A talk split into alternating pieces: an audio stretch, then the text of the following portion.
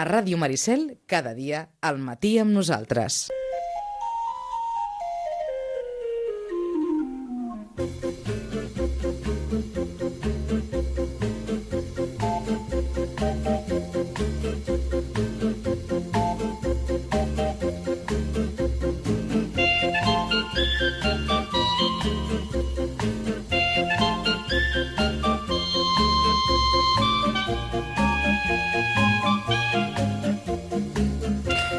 Anem a rebassar, com sempre, amb en eh, Camil Villaverde. Camil, bon dia. Bon dia.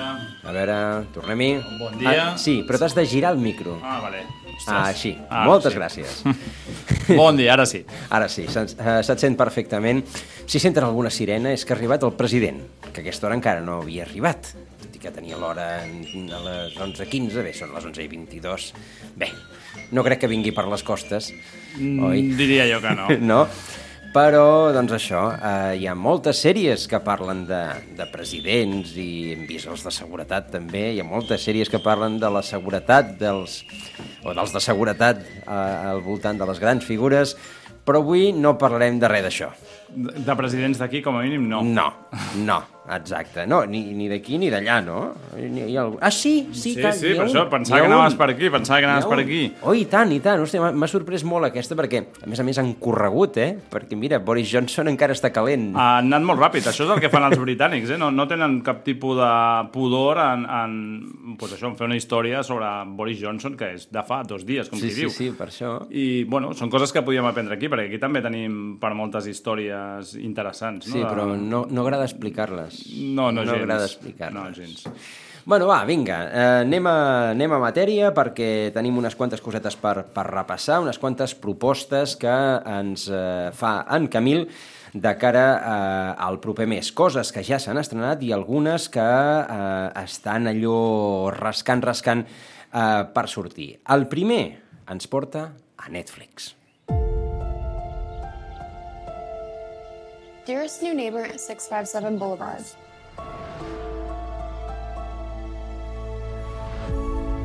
Allow me to welcome you to the neighborhood. Do you know the history of the house? I've been put in charge of watching you. This message will not be the last. I am the Watcher.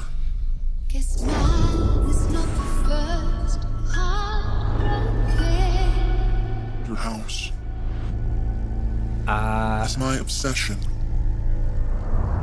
My Obsession, My Obsession. És The Watcher.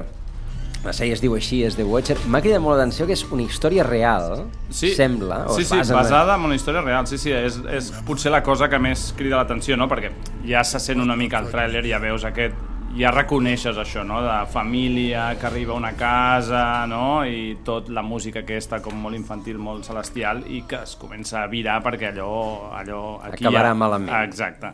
Doncs es veu que és una, una història basada en una història real d'una família que va anar va llogar una casa, crec que era New Jersey, i va començar a rebre com cartes d'algú que els estava vigilant i que més portava vigilant la casa com no sé quants anys, perquè els anteriors propietaris també els enviava aquestes cartes bastant, bastant inquietants.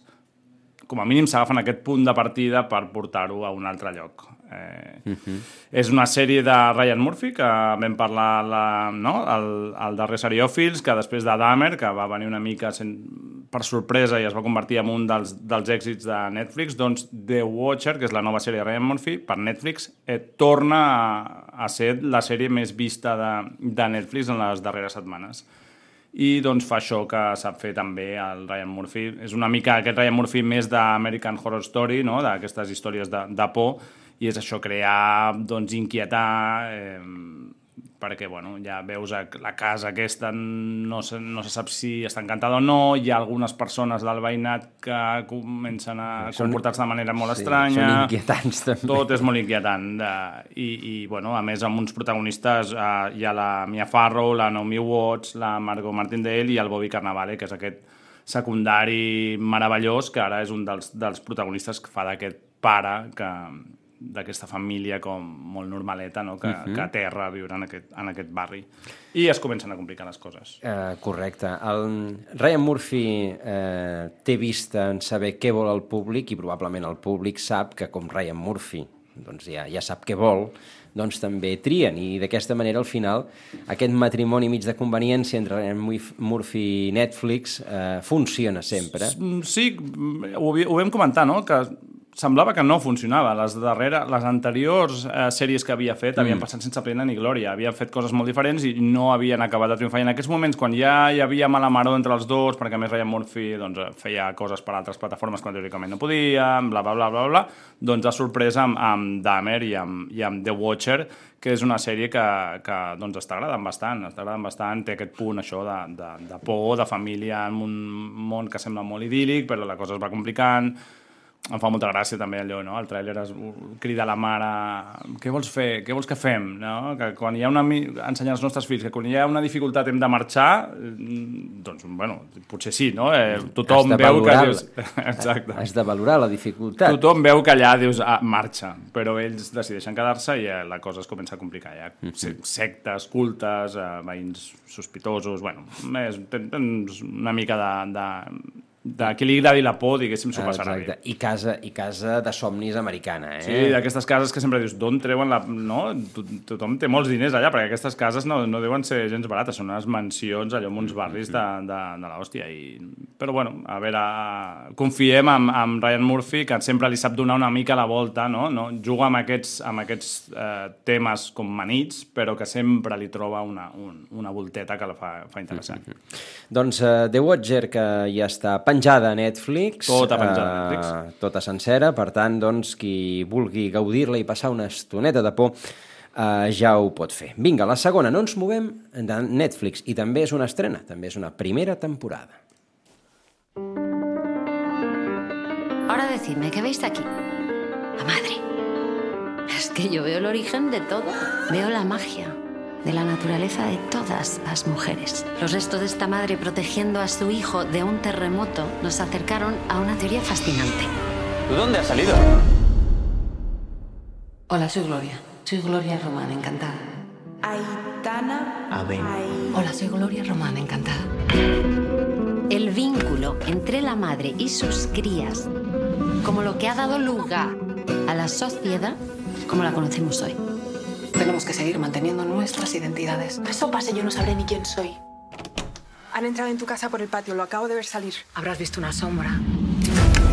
Te di la llave porque confiaba en ti. Podemos perderlo todo. I, i bé, i es va... Uh, a mi, escolt... uh, i ara em permetreu una petita crítica, eh? escoltant el tràiler, és que jo estic veient la Casa de Papel aquí, que és una, una veu en off, les dues actrius que surten a la Casa de Papel. Nash Van Imri i Alba Flores, sí, sí, les uh... mateixes, prota... algunes de les protagonistes de la Casa de Papel. Sí. I això, i aquest, aquest recurs tan manit d'algú que t'està explicant la història, que estàs veient que és un dels protagonistes, que, que la Casa de Papel era el que el fil conductor, en aquell cas doncs no era, no era cap d'aquestes dues. Eh, ai, no em sortirà al final. No el recordo, però sí, sí, eh, té, té, un, té, un, té un aire. Sí, Com a mínim sí, sí. el tràiler, que també el tràiler és una mica estrany, eh, perquè sí, no sí. acabes d'entendre ben de, bé... De què va? De què va. És la Sagrada Família, i és una mica el, el mateix punt de partida de la sèrie anterior, d'algú que arriba a un barri nou, en aquest cas és la Najwa Nimri i, la seva, i el seu fill petit. I una... Ara, la Úrsula Corberó era ah, la, la que feia la veu en off de, de la sí. Casa de Papel. Bueno,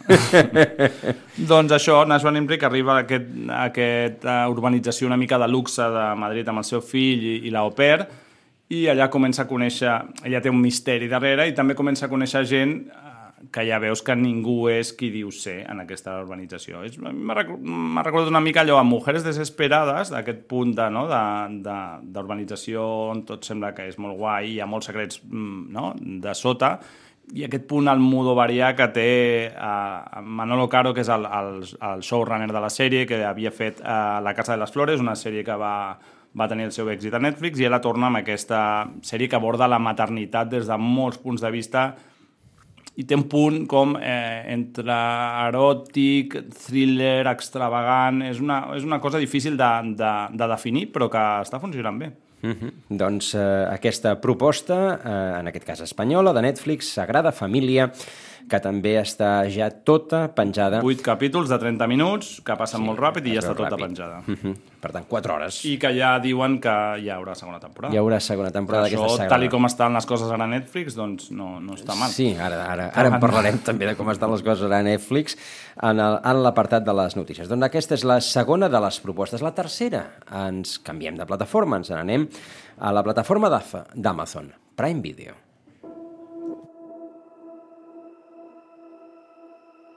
Estás malgastando tu talento en este sitio tan mediocre.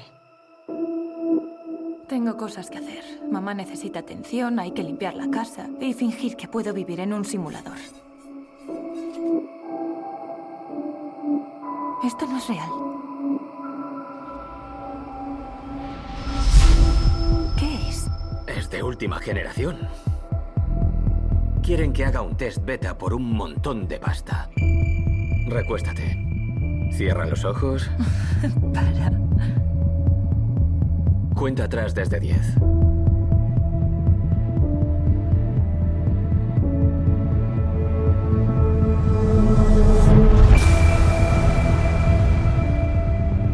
Esto es Londres.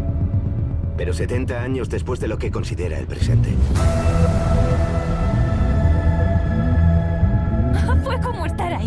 Propio cuerpo. Es lo que llamamos un periférico. Doncs un periférico.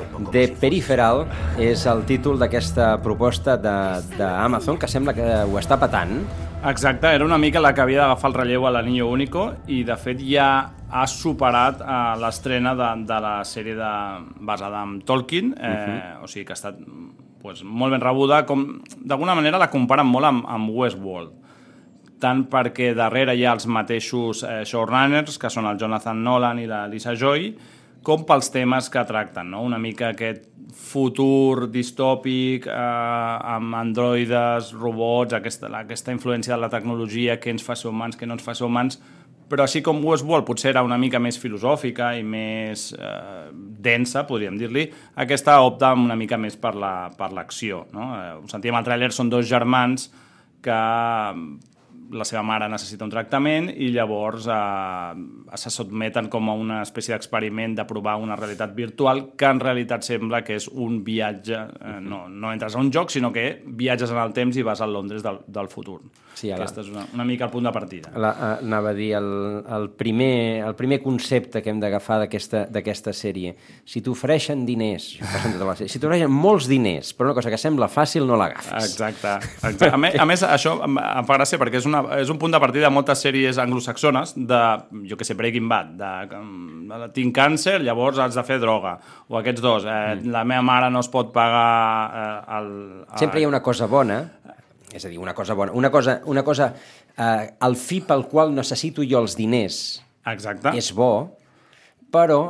Mm, Però clar, les coses es compliquen, però em fa gràcia perquè a Espanya això no existiria. No. Vull dir, clar, tens la mare que està malament, doncs hi ha una sanitat, no?, que dius, o, o, o tens càncer, doncs, bueno, vas a, et tracten i no necessites uh, vendre l'ànima al diable, no?, per aconseguir aquests diners per, per això, per tractar temes de salut. I és, és una cosa que, que funciona en sèries anglosaxones, però si penses, aquí costaria més de, de, de traslladar-ho. I és una sèrie, doncs, pels amants de la ciència-ficció, pels amants tipus, eh, no sé, Matrix, eh, Ready Player One, tot aquest cyberpunk, eh, doncs és una sèrie que, que els agrada molt, és una sèrie que... Els, jo he vist els dos primers capítols, realment funciona, te l'empasses molt bé i, i està feta doncs, amb, doncs amb mitjans. Prime Video està, està, està apostant fort. D'acord. Uh, després, tot i que l'Anillo Único mm, va costar, eh? Sí, va costar, va costar d'arrencar. Al final, no, va, sembla que doncs va acabar de potser funcionar, però jo crec que van trigar massa eh, En que passessin coses. en que passessin coses. És una temporada que pff, mm, creus que li, li podries treure un capítol i, i, no, i no, no passava res, no? Jo crec que d'això n'han d'aprendre a, de cara a la segona temporada. Uh -huh. Potser pensem que és això, que estan col·locant les peces i tal, però clar, eh, és una sèrie, eh, has d'aconseguir que la gent s'enganxi i amb els primers capítols que van passar doncs era, es feia, fins i tot per a un fan com jo, per exemple, de, de, de Tolkien i d'aquest gènere, doncs hi havia moments que em costava aguantar per, i no passar endavant una mica en plan, Mhm. bueno, que passin coses. Jo em vaig a dormir. Vas a dormir. Em vaig a dormir, directament. Bueno, era allò que vam dir, no? un salvapantalles Ah, molt, molt bonic, exacte, que, molt que bonic. et relaxava molt, però potser massa, no? I si m'adormo, dic, primer i prou.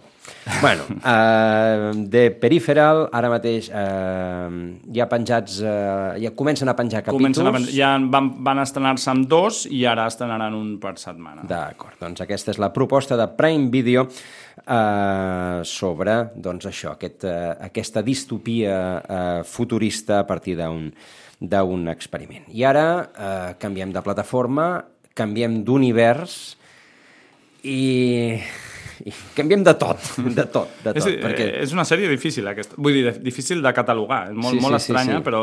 Bueno, escoltem. Però, però funciona. Bueno, doncs, perquè, perquè en Camil ens ha dit funciona. Jo he vist el tràiler i dic, home...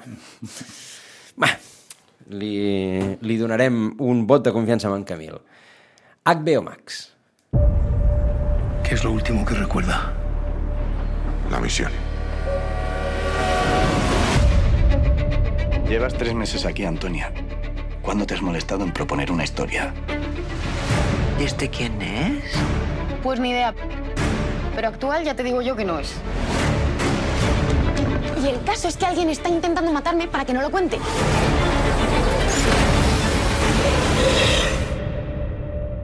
No voy a hacerte daño. Soy de los buenos. Pasé 60 años congelado en esa cripta. Todo ha cambiado tanto Siempre supe que volvería, señor García. antes tengo que terminar un último trabajo. Bienvenido al siglo XXI. Eh, ¿En serio vamos a escapar en este triciclo? Es un vehículo ultramoderno. Bueno, lo era, hace 60 años. I, bueno, eh, clar, hi ha una cosa que no hem pogut veure, que és quan escoltàvem el tràiler. Diu, he estado 60 años eh, encerrado en esta cripta.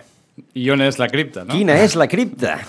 El Valle de los Caídos. I a partir d'aquí, García. García, és una, una sèrie que eh, precisament es va fer la premiera aquí al Festival de Sitges i va, va, va rebre molt, bueno, va tenir molt bona rebuda i és aquesta història, que, que ara ens sona com molt marciana, però si fos una sèrie americana doncs la compraríem, de, de com una espècie de supersoldat o d'agent secret eh, amb, amb, molta, amb superpoders, no? que l'han criogenitzat, que la van crear als- a, a, durant el franquisme, i el van criogenitzar sota del, de la cripta del Valle de los Caídos fins que ara una periodista, una espècie de Lois Lane millennial, eh, descobreix, el desperta per mm, allò, per coses que passen, i doncs eh, ella i ell faran un equip com molt diferent per intentar resoldre un cas que és el segrest de la presidenta de... espanyola. Parlàvem de sèries sobre polítics, aquí es fan una mica en plan eh, ciència-ficció, doncs la presidenta espanyola l'han segrestat i, i García, que és aquest superagent, i la periodista doncs, seran els dos encarregats de, de, de salvar-la. També hi ha altres, altres, elements, o sigui, altres agents criogenitzats, dolents, que es despertaran... Eh, bueno, és, un, és, un, és una cosa com molt rara, sincerament, la, la, el punt de partida és... És, És molt dius, rara, ups, molt. Però, però funciona, no? És una mica eh, el Capitán Amèrica, no? Aquest Mhm. que desperta 60 anys després i és una mica també el joc aquest de, de clar, de l'Espanya de fa 70 anys, d'algú que estava a l'Espanya 70 anys, com veu l'Espanya actual, té, la seva, té el seu humor, i després doncs, el punt aquest d'aventures tipus James Bond o Indiana Jones o, o, o Superman, fins i tot, aquest, no? aquest, la periodista jove no? I, i com molt canyera. És un, una barreja com molt, molt estranya però que realment funciona. Per, i, i, I que sincerament podrien haver fet una cosa com molt rància, però no. Eh, salven bastant bé, hi ha un punt de sàtira també, hi ha un punt de crítica i, i, i tot això embolcallat amb aquesta dosi d'aventures, a més molt ben rodada, està realment sembla que s'han deixat els quartos i dona, dona el pego en, to, en tots moments. Està basada en, un, en uns còmics eh, que ja existeixen sobre aquest personatge García, que a més ja fa gràcia, perquè clar, García és com. No, és, no és James Bond, diguéssim. Bueno, és Smith. Exacte. Sí. I, I doncs hi ha molta química entre els, dos, entre els dos protagonistes, té molt de ritme i realment té la seva, té la seva gràcia la sèrie. Està contra tot pronòstic, perquè dius, tu expliquen i dius, mm, no sé, veus el tràiler i dius, ui, què és això? Però veus la sèrie i realment t'ho passes bé. Doncs, eh, García, aquesta proposta de- d'HBO Max que, ui, que la pengen demà passat. Encara no... Ah, encara no, no l'ha no estrenat. estrenat. No, qui l'hagi vist a Sitges doncs ja van veure els dos primers capítols i ara, a partir d'aquí, això, dos o tres dies l'estrenen i un per setmana, que és HBO Max. Doncs eh, aquesta, aquesta proposta, qui vulgui veure una, una ficció espanyola doncs, peculiar, per definir-la d'alguna manera, la tindrà a HBO Max. I no ens movem d'aquesta plataforma, però en una segona temporada. Whenever I stay at a White Lotus, I always have a memorable time. Always. Welcome to the White Lotus in Sicily. La Dolce Vita. You guys are here to learn about your Sicilian roots. Sounds like a fun boys' trip. Wasn't supposed to be a boys' trip. We're on a family vacation right now, and it's just the three of us, because all the women in our family hate you. Please, can we just drop it? Now that he's loaded, do you think he regrets marrying such a dud? What is going on with you? There's a reason they invited us here. It's like you sold your company, you got rich, and now he's your best friend. Are these the kind of people we're gonna be hanging out with now? Did you vote, babe? Be honest. I did. Didn't I? Doesn't matter.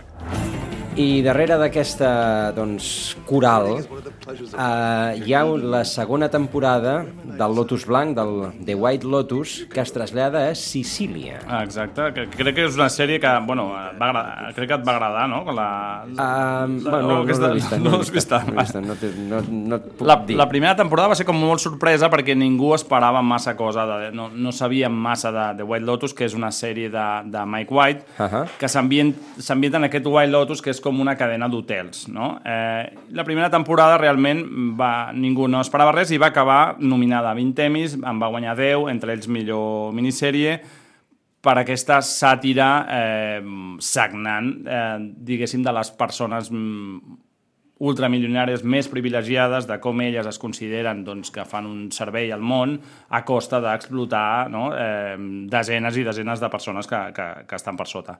Uh, aquella sèrie estava ambientada al White Lotus de, del Carib i llavors aquesta segona temporada doncs, eh, l'han traslladat a Sicília, un altre White Lotus, en aquest cas que està a Itàlia, i amb, canvien totalment els protagonistes. Si has vist la primera temporada ja saps que no, no poden repetir alguns. I, i canvien menys una de les, de les protagonistes, tota la resta són històries noves i diferents en aquest Wild Lotus eh, sicilià. En aquest sentit, també continua aquesta sàtira d'aquest tipus de personatges i també enfoca una mica el tema de la, de la masculinitat, la feminitat, eh, el poder, eh, no? l'enveja... I, I és una sèrie que realment eh, és divertida a veure, té molt ritme, té molts personatges com molt interessants i a la vegada té aquest rarafons crític no? i molt satíric, amb molta mala llet, sobre, sobre certs aspectes de la societat en què, en què vivim. I és una sèrie que doncs, s'esperava amb molta, amb, molta, no? amb molta curiositat de què faria a la segona temporada, si estaria a l'alçada de la primera de White Lotus, i sembla que sí. D'acord, doncs aquesta proposta, la segona temporada de, del White Lotus, un White Lotus si, eh, sicilià, Sicília, exacte. Que en aquest cas llueix més. La primera temporada, més, es va rodar, recordo, en pandèmia i, clar, tot estava... Van, estar com tancats en un resort d'aquests del Carib i estava tot molt centrat en, en l'hotel, en Mhm. interiors... I en aquesta temporada, doncs, que ja és postpandèmica, doncs, eh, està a l'hotel aquest White Lotus, eh, on es creuen totes aquestes històries, però després tenim, eh, llueix molt tota la, la, no? els exteriors de Sicília, meravellosos, Mhm. molt ben rodats, i que li donen un punt eh, que juga molt, molt a favor de, de, de la sèrie. doncs segona temporada de The White Lotus a partir de dilluns vinent eh, a HBO Max. I ara canviem de, de plataforma, ens n'anem a Movistar Plus. This royal throne of kings. This sceptered isle. This earth of majesty. This other Eden.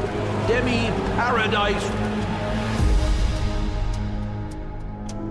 we, we just we need some good news to announce. I'm concerned about the lack of transparency. It could just look like jobs for the boys. What do you think, Dom? Our focus groups show that people will accept a lockdown if we support them financially. I agree. Obviously, the impact on the economy would be huge.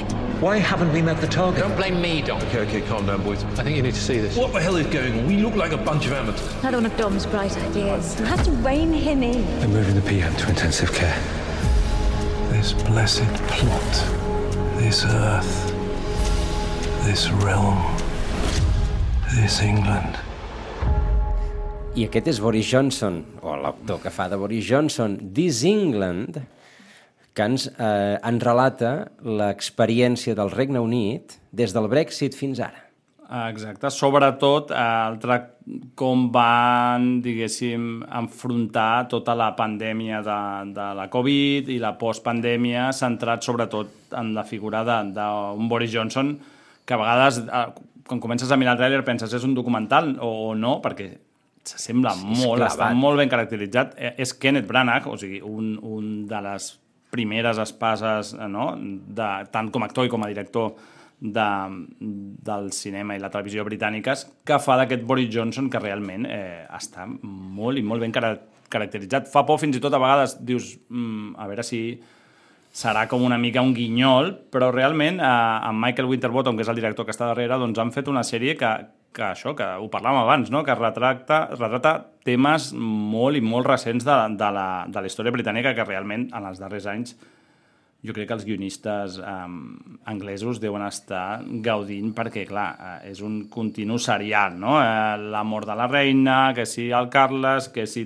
tots aquests primers ministres que van desfilant un darrere l'altre, el caos aquests post-Brexit, i Boris Johnson, que realment és una figura no?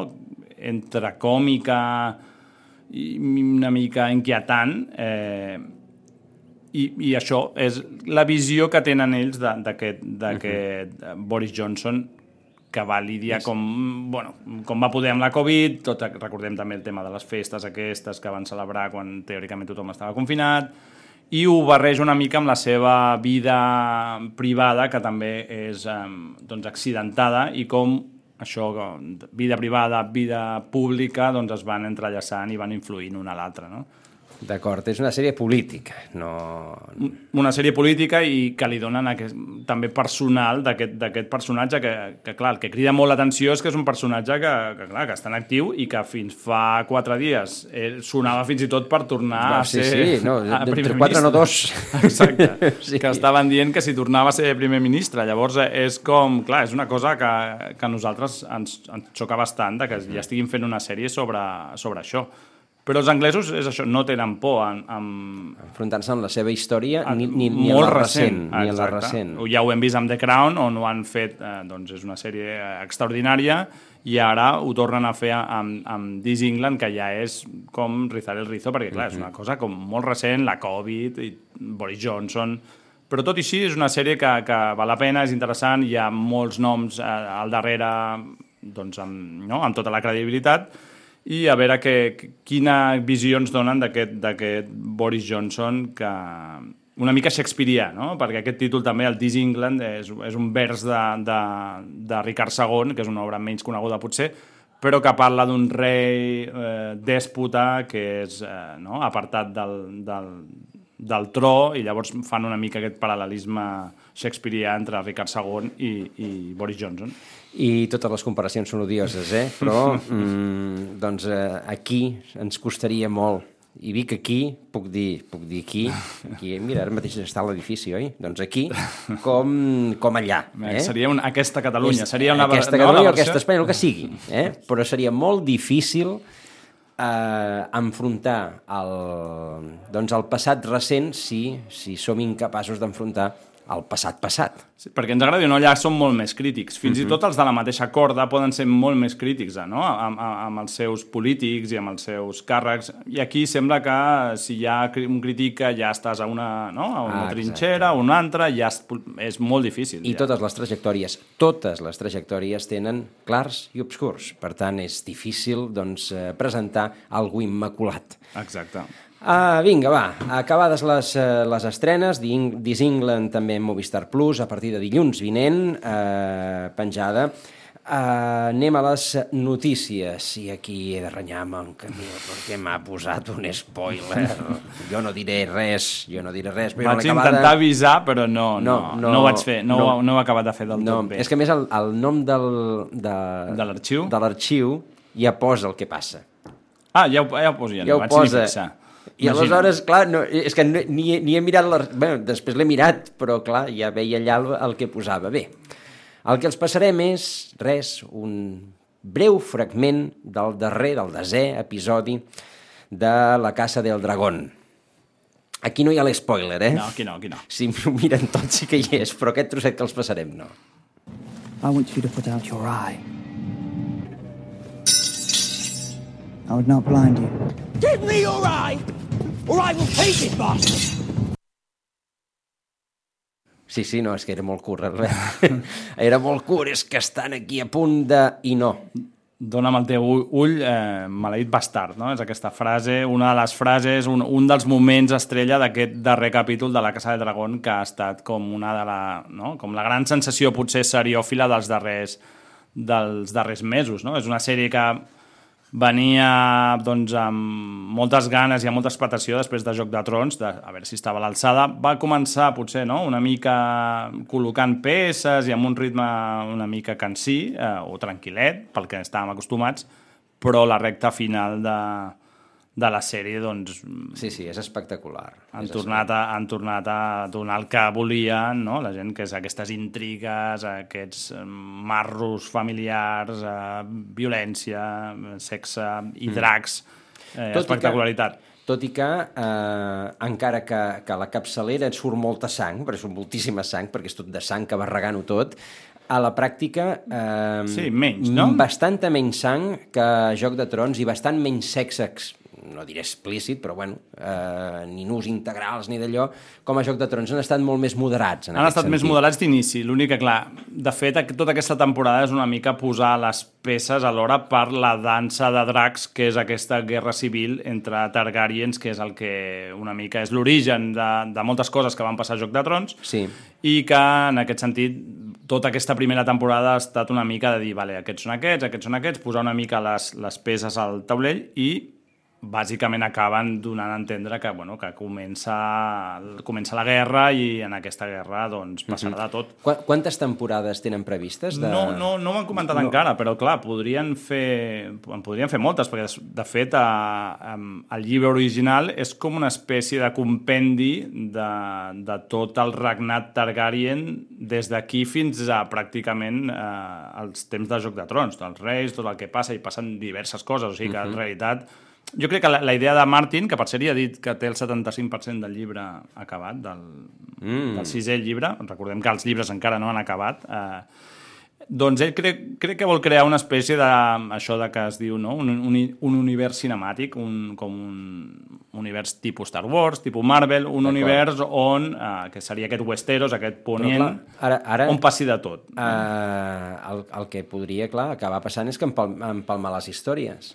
Podrien perfectament, sí, sí, podrien perfectament anar Tenim- explicant tenim tota la 300 anys història, per- exacte, tota la història de Ponent des d'aquests temps fins a la història que narren a Joc de Trons. Mhm. I d'aquí, de fet, surten, té altres llibres amb, amb protagonistes que d'alguna manera estan lligats però que van per una altra banda i són unes altres històries d'aventures mitjavals i, i, i tornejos i aquestes coses que també estan ambientades allà. Jo crec que vol crear això. Un, bueno, ja l'ha creat i ara a nivell audiovisual vol crear aquest univers no, de, Mhm. de, de Ponent. I d'això, Joc de Trons s'ha convertit en, en... va congregar 9 milions d'espectadors a la seva, al seu comiat als Estats Units, que és, va ser la millor audiència després del final de, de, de Joc de Trons original, i fora dels Estats Units, per exemple, Espanya ha estat la sèrie més vista de la història de la plataforma. La Casa del Dragón, no Joc de Trons, vull dir, ha, Sí, sí. Ha, ha acabat una mica responent a les expectatives que la gent s'havia creat. I tothom, i tothom esperant ja que eh, aparegui la, la, la segona temporada i que continuï la, la història, que és el millor que li pot passar a una sèrie. Home, sí, sí, és que a més acaba en un moment, no ens explicarem res, però el final és un final potent i, un, i un plano, a més, molt, molt bonic de veure i, i alhora que promet molt marro per la següent temporada. Per la següent temporada. Doncs uh, La Casa del Dragón, que ha anat molt millor que, que els Anells del Poder, que, la- que Exacte, bastant millor, sí. Uh, en aquest sentit, doncs, Netflix mm, s'han portat el gat a l'aigua, tot i que... Tot, no, ai, no, No, és no, HBO, és HBO, HBO. HBO, sí. Ai, perdó, perdó, perdó. és HBO. Uh, tot i que, perquè, a més a més, Netflix, i ara és el que anàvem a parlar, no?, que, que tocarà passar per caixa. Que, clar, Netflix, ja ho parlàvem, no? O sigui, constantment hi ha globus sonda, hi ha rumors de, de polítiques de Netflix eh, que no oblidem que és la, per molt que parlem d'HBO, d'Amazon, tal, Netflix continua sent potser la, la plataforma reina de, de l'streaming i doncs ara arribarà a aquest mes de proper de novembre, encara no se sap el dia, aquí a Espanya la versió amb publicitat. Una versió doncs, que costarà 5,49 euros al mes, que hi ha una petita part del catàleg al qual no es podrà accedir si tens aquesta versió, és a dir, hi haurà sèries poques, però hi haurà sèries que no podràs accedir amb aquesta tarifa. No permet tampoc que et descarreguis les, les pel·lícules offline, o sigui, les has de veure online, i més o menys diuen que hi haurà uns 5 minuts de publicitat per cada hora de contingut. Doncs seria una mica la, la tele... La tele, la tele vaja, sí, no? anava a dir, eh, em Sí. sembla que la tele són 7, o sigui, que encara és menys que...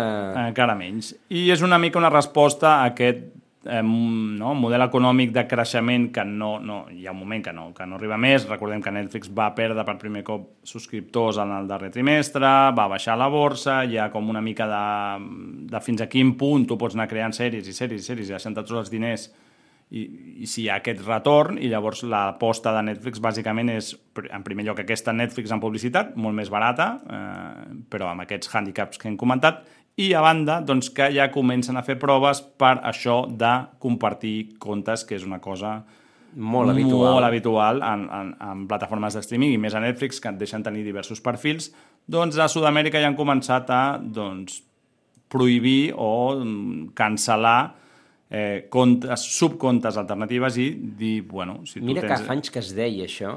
Sí, però bueno, al però final- ells ho van alentar des d'un bon principi, perquè era una manera de créixer, no? de, de, de que hi haguessin més subscriptors, de, de donar a conèixer una mica el que, el que Ara, feien. ara, que ho ha... capen i esperen que la gent... Exacte, aquest, la, la incògnita és aquesta, fins a quin punt, si a tu ara et diuen doncs has de fer-te una compte nova i pagar molt més del que pagaves, et compensarà Et seguir a Netflix o no. Ells Sí. confien que sí. Treuen aquesta subscripció més econòmica per intentar incentivar Ah, que exacte, aquest que canvi... si potser no vols, exacte, no vols seguir com fins ara, tens aquesta, aquesta opció. Clar, aquí hi ha el punt de dir, em compensa, eh, estan fent prou sèries de prou nivell a Netflix com per seguir pagant o pagar més del que estava pagant fins ara. Clar, és un... Suposo que, clar, ells ho hauran estudiat, tenen totes les dades de tots els accessos, vull dir, és una cosa que no, no, no decideixen res uh -huh. a la babalà, però, clar, hi ha aquesta incògnita de dir, bueno, eh, realment pagar, volem pagar més per, tenir, per te, seguir tenint Netflix, és un, un debat que veurem, en principi el 2023 diuen, tampoc hi ha res confirmat, diuen que arribarà a Europa, a Espanya entre ells, i veurem si fan això, si decideixen doncs, eliminar tots aquests subcomptes i, i potenciar doncs, que cadascú ti- tingui el seu compte eh, ja. Ja. Uh, de fet, uh, el 2023 serà un any segurament que, que algunes coses en el món de les plataformes aniran canviant perquè això ha tingut un creixement, però al final el món és, eh, és finit. No tenim temps d'acabar-lo. Eh? Per Ja ho comentarem. Ja ho comentarem un altre, un altre dia, la resta que ens portava eh, en Camil, però com a mínim doncs, interessant això, aquesta, si tenen Netflix doncs ja s'ha passar per caixa. Que comencin a veure, si no, moltes coses que els interessin i... Sí, Exacte, perquè, per si, perquè per queden, si t'ho capen. queden quatre dies. Camil, moltíssimes gràcies. Gràcies a vosaltres. Fins al mes que ve i a tots vostès, com sempre, agrair-los l'atenció. Que passin un molt bon dia i fins demà.